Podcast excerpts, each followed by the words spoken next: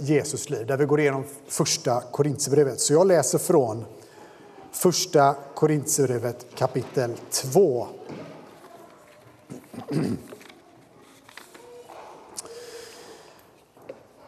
När jag kom till er syskon var det inte med stor vältalighet eller vishet som jag predikade Guds hemlighet för er. Jag har nämligen bestämt mig för att inte veta av något annat hos er än Jesus Kristus och honom som korsfäst.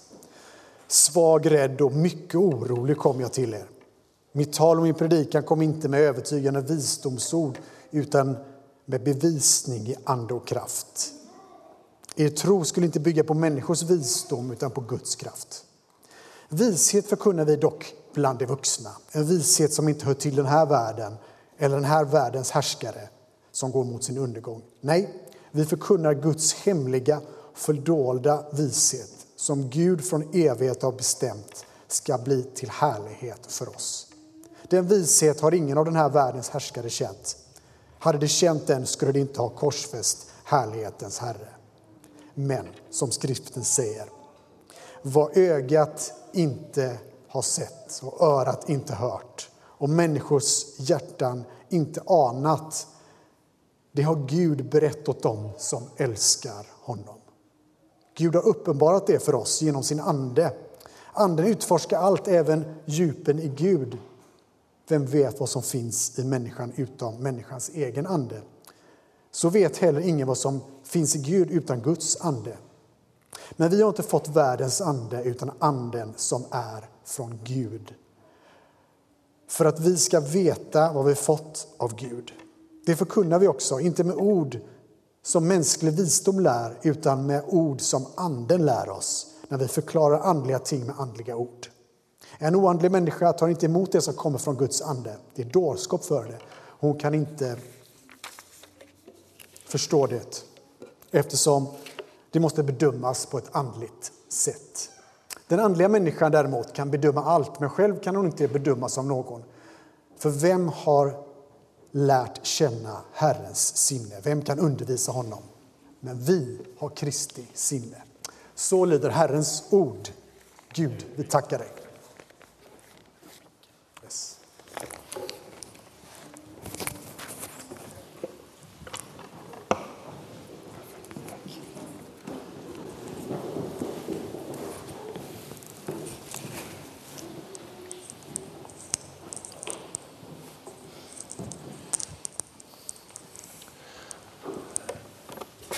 Gott att du är här för att fira gudstjänst tillsammans med oss här i Centro. Eh, också välkommen till dig som nu i predikan har checkat in här via Facebook. Välkommen att ta del av, eh, av Guds ord förkunnat till dig. Låt mig börja med att be en kort bön. Herre, jag tackar dig för att vi idag får eh, samlas kring en öppen bibel, här. Tackar dig att Bibeln, ditt ord, det är inte bara bokstäver på ett papper papper, utan vi som kristna vi tror att det är ditt levande tilltal till oss. Här. Så därför idag när vi har hört första Korinthierbrevet kapitel 2 läsas så är det inte bara bokstäver som har träffat våra öron utan det är ett tilltal från Gud som har träffat vårt hjärta. Därför nu när jag predikar och förkunnar ditt ord så är det inte bara mina idéer och tankar utan det är ett tilltal ifrån dig genom den helige Ande in i våra liv. Någon kommer få en beröring kanske för första gången i sitt hjärta av den helige Ande. Någon annan för tusende gången. Men Jag tackar att det är en verklighet som vi får tro på, att som vi får hålla fast vid, att du talar genom ditt ord. Halleluja. Så därför helige Ande, håll mig nu i ditt grepp så att jag får tala inte bara mina tankar utan ditt levande ord. I Jesu namn, öppna våra öron och våra hjärtan så vi hör. Amen.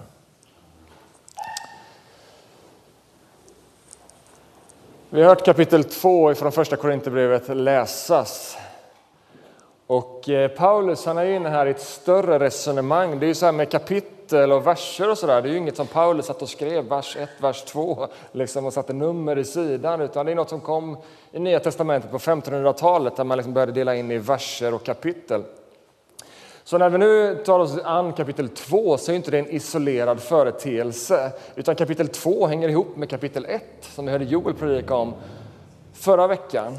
Så det är en del av ett större sammanhang där Paulus undervisar om världens visdom och korsets dårskap. Så dagens predikan är på ett sätt som en fristående eh, förutsättning, fristående fortsättning på Joels predikan från förra veckan om hur Guds dårskap är visare än mänsklig vishet och Guds svaghet starkare än mänsklig styrka. Det som verkade vara svagt, att dö skamligt på ett kors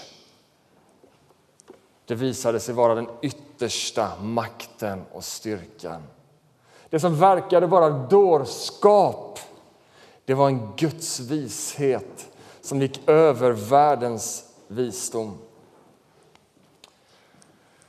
Så Paulus han använder sig av begreppen visdom. Han talar in i en visdomskontext, kan man säga, in i en visdomskultur. Korinterna såg sig som överlägset visa. Korint som var en del av det grekiska väldet. Grekerna med de förnämsta filosoferna. Platon, Aristoteles, Sokrates. Jag menar, det här är gänget som har koll på retoriken, de har koll på vishet och kunskap. Visdom och kunskap sågs som vägen till mänskligt blomstrande och frihet. Om vi bara får del av den här djupare visheten, om vi bara får del av rätt kunskap. Grekerna gick igång på visdomsformuleringar och på estetiskt tilltalande retorik. Men Paulus visste någonting bortom detta. Att det som spelar verklig roll, det är inte formuleringens skönhet utan om det finns en verklighet bakom orden.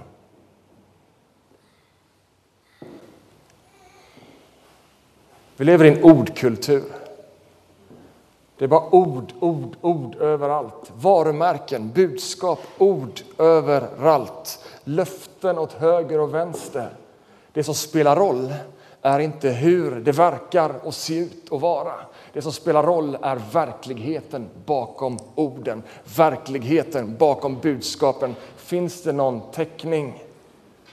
Och Paulus är rakt på sak kan man säga i kapitel 1 som vi hade jordpredikan om förra veckan. Er vishet är dårskap om man översätter det till ren svenska.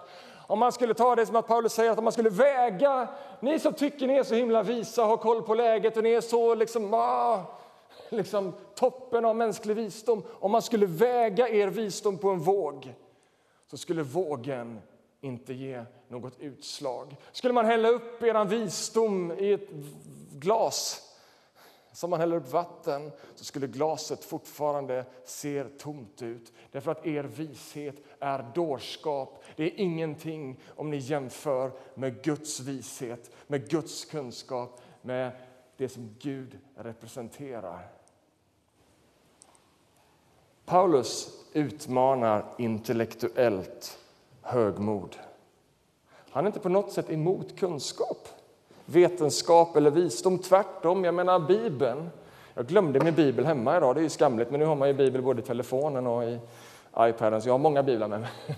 Men Bibeln till och med innehåller ju en egen liksom, genre som är visdomslitteratur. Så Bibeln är inte något sätt på emot visdom och kunskap. Faktum är det att liksom, genom historien så har kristendomen och kyrkan varit pionjärer när det gäller att driva kunskap, när det gäller att bygga universitet och när det gäller liksom att, att liksom utveckla mänskligt intellekt. Men problemet ligger inte i kunskapen utan i vår attityd till mänsklig visdom och kunskap. Man kan säga att de levde i en åsiktstid, en ord av tid. Vi lever också i en tid av ord, en tid av åsikter. Där retorik och populism definierar mycket av den kulturella och politiska agendan. Det spelar ingen roll vad du har för politisk liksom, eh, position. Du kan ändå hålla med om att vi lever i en tid av populism och retorik. Trots det enorma antalet kristna i världen. Vet du att en tredjedel av jordens befolkning tillhör någon form av kyrka? en tredjedel säger jag att alla de tror på Jesus Kristus som död, uppstånden och alltihopa och lever liksom i fullheten. Det säger jag inte. Men vad jag säger är att en tredjedel av jordens befolkning tillhör en kristen kyrka. Vet du hur många ateister det finns i världen? Ja, man tror 1,4 procent. Ateisterna själva säger 2 procent. Antalet människor som tillhör en kyrka i världen är en av tre.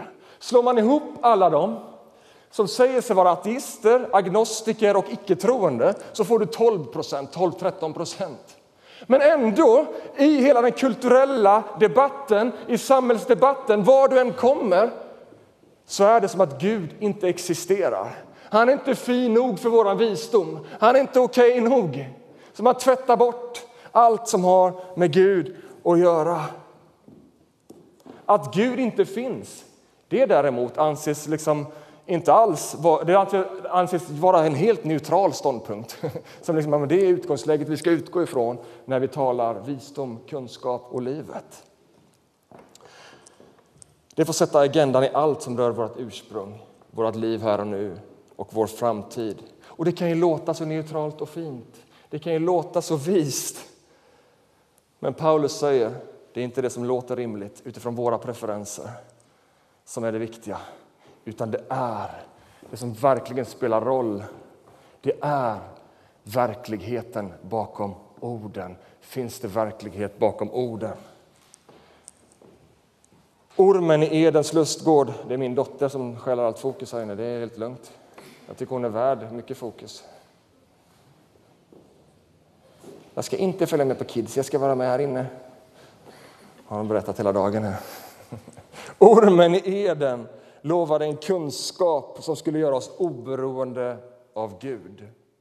Men det gjorde oss till slavar. Vi har mer kunskap om det mesta än någonsin förut. Vi har mer visa ord och kläcka liksom livscoaching-citat utan att vi har blivit mer fria. Där i Eden började det sekulära projektet som redan sedan dess har genomsyrat kultur och samhälle. En vishet utan Gud. Det började där i Eden, ett projekt som förklarat krig mot religion med ambitionen att avskaffa alla förklaringsmodeller som innehåller Gud och det övernaturliga. Alla förklaringsmodeller om vårt ursprung, vårt liv här och nu och vart vi är på väg som innehåller Gud. Bort med det. Men det sekulära projektet har inte gjort oss mer fria eller lett till mer blomstrande liv eller lett till fred och frid. Den sekulära kulturella eliten som fått utrymme i, i liksom västvärldens storstäder, i massmedia, och kultur och politik har inte lyckats med sitt projekt. Men Paulus i dagens text han talar om en visdom som inte är av denna världen. Visdomen från Gud, kunskapen om Jesus Kristus. Och endast den kan sätta en människa fri och leda till mänskligt blomstrande, evigt liv och att vi nu och här får leva i vår fulla potential. Korsets vishet. En dårskap med mänskliga mått mätt kan väl inte finnas någon Gud? En dårskap, och inte kan han väl dö på ett kors? En dårskap, men en vishet från Gud med verklig kraft bakom orden. Och I dagens text får vi vara med när Paulus borrar lite djupare in i detta med korsets vishet, Guds vishet. Vers 1. När jag kom till er syskon, säger Paulus, alltså när han kom till dem i Korint så var det inte med stor vältalighet eller vishet som jag predikade Guds hemlighet för er, säger Paulus, när jag kom till er. Inte stor vältalighet eller vishet. Paulus förlitade sig inte på vältalighet därför att han ville inte att deras, ord, deras tro skulle baseras på retoriska argument. Vi har alla varit med om det. Det låter så bra när säljaren säljer in idén eller produkten. Wow, jag måste bara ha den här vispen. Men den här vispen behöver jag inte ens vispa, utan grädden vispar sig själv. Och så kommer man hem och så bara rinner grädden ut på golvet. Det lovar tungt men håller tunt. Paulus vill inte förmedla en sån tro.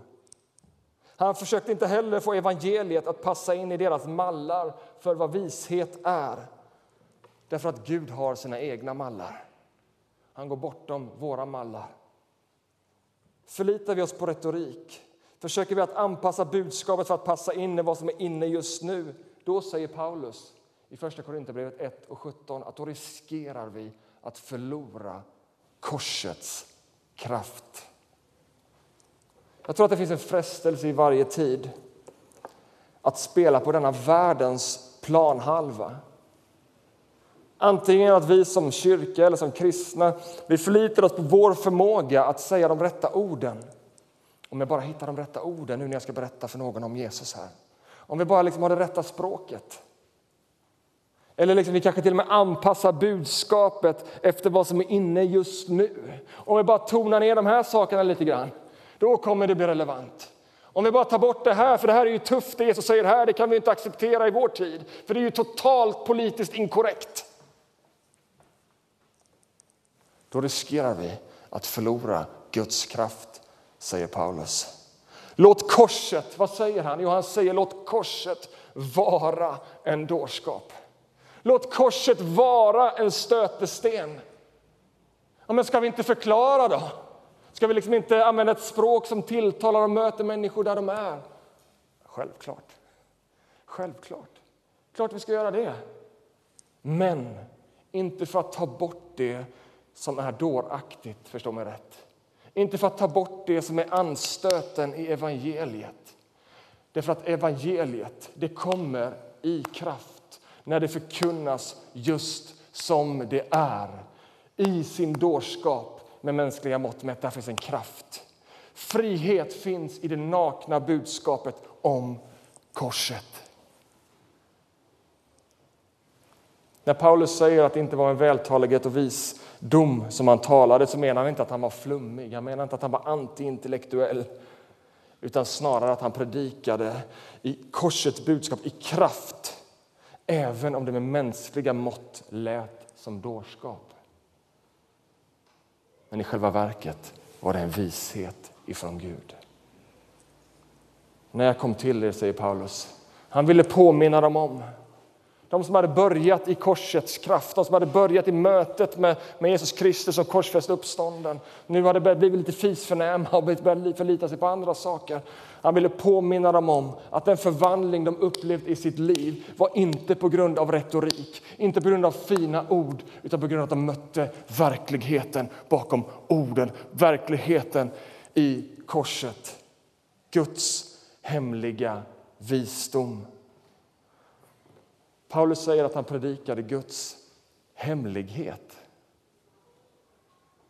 Och det tema han plockar upp igen i, kapitel, eller i vers 7. Nej, vi förkunnar Guds hemliga och fördolda vishet som Gud från evighet har bestämt att bli till härlighet för oss.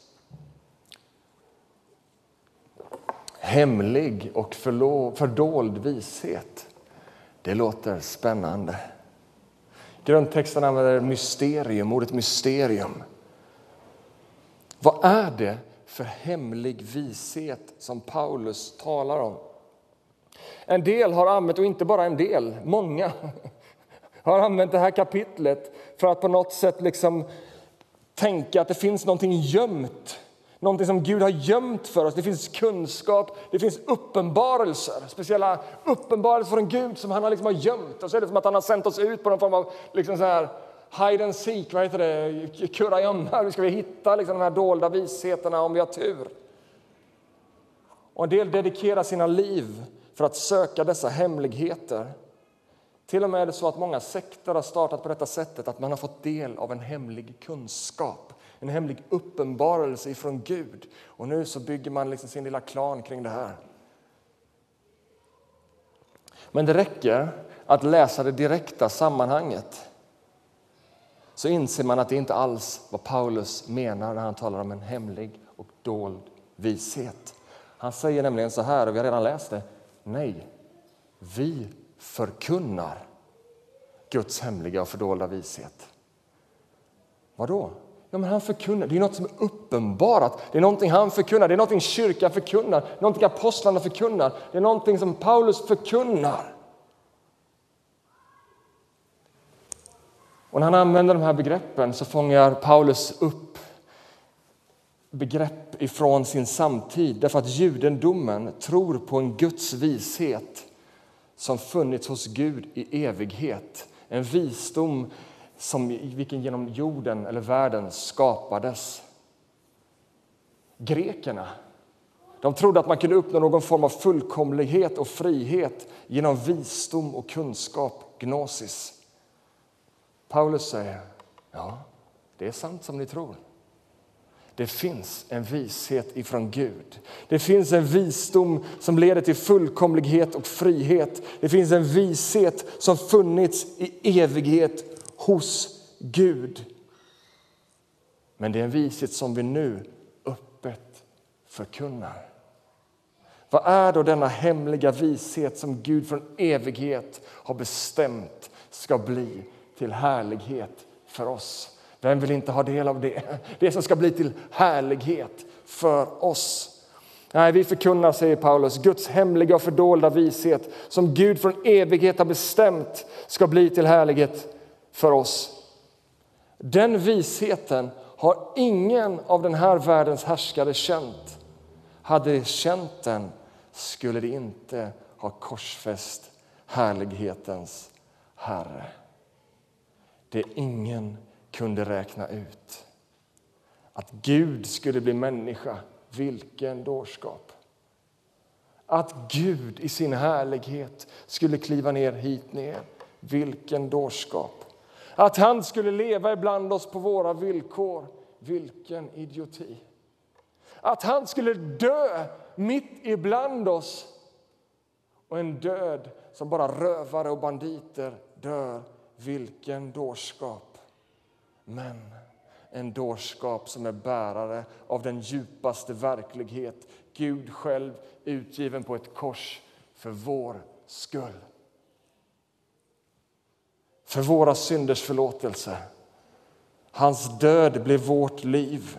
Världens härskare, säger Paulus, såväl andlig som jordisk auktoritet. De kunde aldrig ana. Varför? för det var fördolt. Det var en visdom som gick bortom denna världens visdom. Vi kan inte förstå. Vi kan inte förstå. Inte djävulen själv kunde förstå. Inte hans demoner eller furstar själv kunde förstå. Inte romarriket kunde förstå. Inte de judiska ledarna kunde förstå. Vare sig jordisk eller andlig auktoritet kunde förstå denna Guds hemlighet. Denna visdom ifrån Gud. Att detta att Jesu död skulle leda till evigt liv för var och en som tror. Detta, att Jesu död skulle leda till ondskans och djävulens död och besegring. De kunde inte förstå. Hade de förstått hade de aldrig korsfäst härlighetens Herre. Det är fördolt, det går inte att förstå. Det går inte att tänka ut på förhand. Denna vishet har ingen av den här världens härskare känt. Hade de känt den skulle de inte ha korsfäst härlighetens Herre. I vers 3 säger Paulus, när jag kom till er hade jag bestämt mig att inte veta av något annat än Jesus Kristus och honom som korsfäst. En vishet från Gud korsfäst kan låta som dårskap, men hellre att det låter som dårskap. Hur ska jag kunna berätta det här för mina vänner? Det låter helt Jesus dog för dig och det är liksom bara... Hellre att det låter som en dårskap, men att det är verklighet bakom orden, att det, än att det låter så himla vackert. Det det bara behöver det är mer vishet och kunskap. Om det bara liksom om vi bara gör oss fria från alla normer, om vi bara liksom förkastar Gud och liksom, om vi bara hittar liksom oss själva i oss själva och liksom Det har visat sig leda till mer fångenskap och nederlag. Men det som låter som dårskap, det finns en verklighet bakom orden till frälsning, till förvandling, till frihet, till helande, till upprättelse, till liv. Inte bara nu i denna tiden, utan till ett evigt liv i gemenskap med Gud. Paulus fortsätter, vers 14. En oandlig människa tar inte emot det som kommer från Guds ande. Det är dårskap för henne. Och hon kan inte förstå det eftersom att det måste bedömas på ett andligt sätt. En oandlig människa, säger Paulus, tar inte emot det som kommer ifrån Gud. King James, en, en engelsk-amerikansk översättning, eh, översätter texten så här. The natural man, alltså den naturliga människan, kan inte ta emot det som kommer från Gud. Alltså en människa utan Guds hjälp kan inte förstå Guds vishet. Vi kan inte tänka oss till visheten från Gud, att Gud blir människa och dör på ett, på, på ett kors. Man behöver möta verkligheten bakom orden. När jag står här och förkunnar evangelium så är det någonting mer än bara ord som föregår här inne. Det sker någonting genom Guds ande som rör vid ditt hjärta. En verklighet bakom orden. Det är därför en människa som hör evangeliet, som hör budskapet om Jesus, behöver öppna upp sig för verkligheten att Gud kan finnas och att han vill uppenbara sig själv. Paulus säger i Romarbrevet 10 och 17 att alltså kommer tron av att höra. Tron kommer av predikan, tron kommer av att höra evangeliet, höra predikan. Och predikan kommer i kraft av Kristi ord. Tron, alltså verkligheten som sker bakom orden. Det finns någonting som sker när du hör, som är någonting mer än bara orden, som är någonting mer än bara mänsklig visdom. Det är en visdom från Gud som är en djupare verklighet. Guds vishet skapar liv. Evangeliet väcker tro. Var helst denna vishet förkunnas ifrån Gud så verkar Gud själv genom sin ande för att måla verkligheten bakom orden så att denna dårskapen får bli till den mest dyrbara vishet. Till den mest dyrbara vishet. Jesus för mig begraven. Jesus för mig uppstånden. För mig, för mig, för mig. Detta är denna ifrån evighet liksom, denna dolda, denna hemliga visheten hos Gud men som Jesus har blivit uppenbar. Det är inte längre ett dolt mysterium utan i mötet med Kristus en uppenbarad verklighet. Till sist, vi behöver inget annat än detta det är ingen andlig kurragömma som Gud har sänt oss ut på för att hitta något annat som Gud har gömt för dig. Men det finns ett liv i tillväxt i denna upptäckt. Det finns ett liv av att än mer upptäcka korsets kraft och växa till och fördjupas i detta. När du har tagit emot Jesus så blir du inte fulländad i kunskap och insikt på en gång. Jag vet inte om du har märkt det. Det är inte liksom så här på en gång. Men, lyssna nu, men i tron på Jesus så har du fått allt du behöver. Allt du behöver för gemenskap med Gud. Allt du behöver för ditt eviga liv. Du behöver inte klättra på en stege, det är inte en stege som börjar. Du har fått allt du behöver för ditt eviga liv i gemenskap med Gud. Men du har också fått allt du behöver för att växa till i kunskap, för att växa till i gemenskap med Gud i helighet och i fullkomlighet. Lyssna till vers nummer 10. Gud har uppenbarat det för oss genom sin ande. Anden utforskar allt. Hörde ni? Anden utforskar allt, också djupen i Gud. Vem vet vad som finns i människan utom människans egen ande? Så vet heller ingen vad som finns i Gud utom Guds ande. Men vi har inte fått världens ande, säger Paulus, utan vi har fått en ande som är av Gud. Varför? För att vi ska veta vad vi har fått av Gud. Vers 12. Du har fått det du behöver för att växa till i kunskap om Gud, i kunskap om livet, i kunskap om vad han kallar dig till, i kunskap om vem han är, vem du är, och kunskap var du kommer ifrån och kunskap vart du är på väg. Du sätts in i ett sammanhang där du alltid börjar förstå. Jag är inte bara utkastad i universum som en vilsen liten boll, utan jag finns i Guds stora tanke och sammanhang. Vad sker när du kommer till tro på Jesus? Du blir förlåten din synd bakåt och framåt. Du får evigt liv i gemenskap med Gud och du får gemenskap med Gud nu och här. Vi har inte fått världens ande, utan vi har fått den ande som är ifrån Gud. Och Paulus påminner om denna verklighet gång på gång. Det är som att vi glömmer bort. Det är som att det är lättare för oss att tro att vi har sänts ut på ett kurragömma-uppdrag och hitta massa saker. Vi glömmer bort att vi har vunnit den här gemenskapen med Gud. Så i nästa kapitel så kommer han igen. Vet ni inte, säger han, att ni är ett tempel för den helige Ande, att Guds ande bor i er? Kapitel 3, vers 16. Du är bärare av Guds närvaro, den närvaron ifrån Gud. Och Paulus är mer konkret än så. Det är inte bara en fluffig närvaro, utan en närvaro från Gud för att du ska veta vad du har fått ifrån Gud. Om Gud hade varit ett bibliotek så är anden bibliotekarien som känner alla böckerna i, bibliotek i biblioteket. Och han vet exakt vilken bok du behöver innan du själv vet att du behöver den.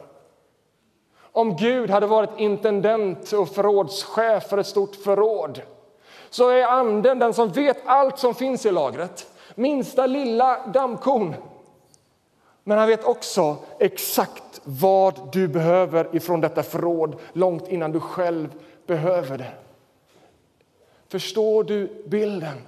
Det är denna ande du har fått för att du ska veta vad du har fått ifrån Gud, för att du ska veta att du är ett Guds barn, för att du ska veta att du är frälst, för att du ska veta att du har evigt liv, för att du ska veta att du är fylld med massa gåvor, för att du ska veta att du är älskad, för att du ska veta att du är underbar, för att du ska veta att du är ljuvlig, för att veta också vad Gud kallar dig till, för att veta vem Gud är, för att lära känna honom i sin fullhet. Denna ande har du fått allt du behöver för att lära känna Gud och du behöver inte något annat. Det här förkunnar vi också med ord.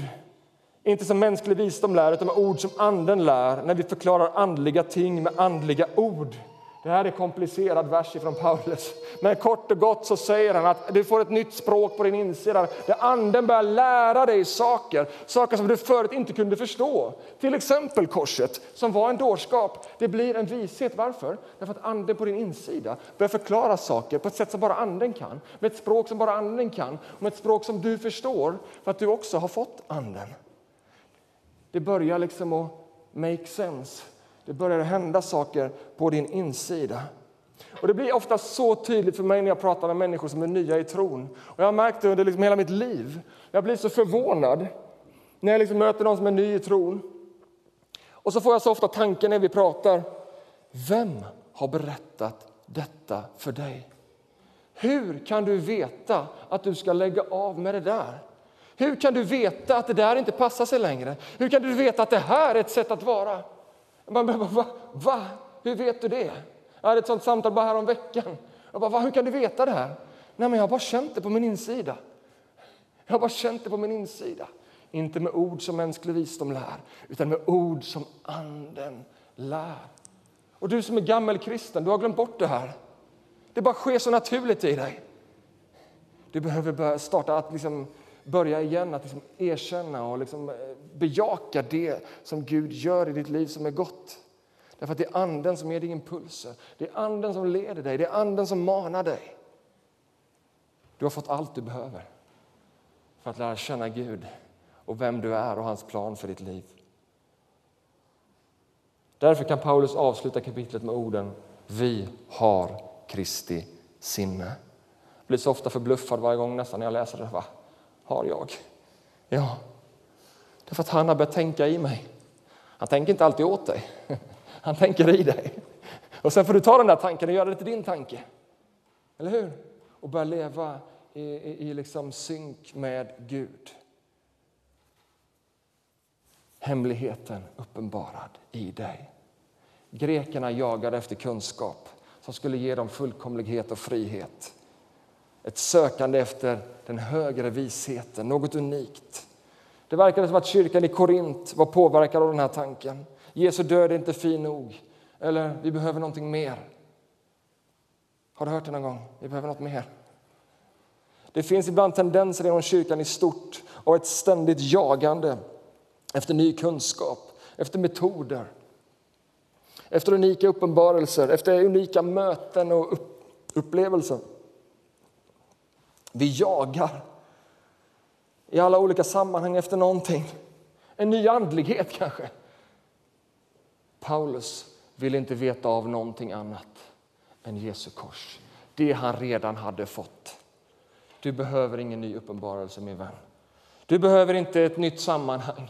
Du behöver inte en ny andlighet. Du behöver borra dig djupare i det som redan har givits till dig. Du behöver bli vän med bibliotekarien på din insida. Du behöver bli vän med intendenten och förrådsherren på din insida och börja bejaka att han gör ett verk i dig. Korset har öppnat upp den enda källa till sanning du behöver om Gud och din relation till honom. Du har blivit given allt du behöver för att lära känna Gud i sin fullhet.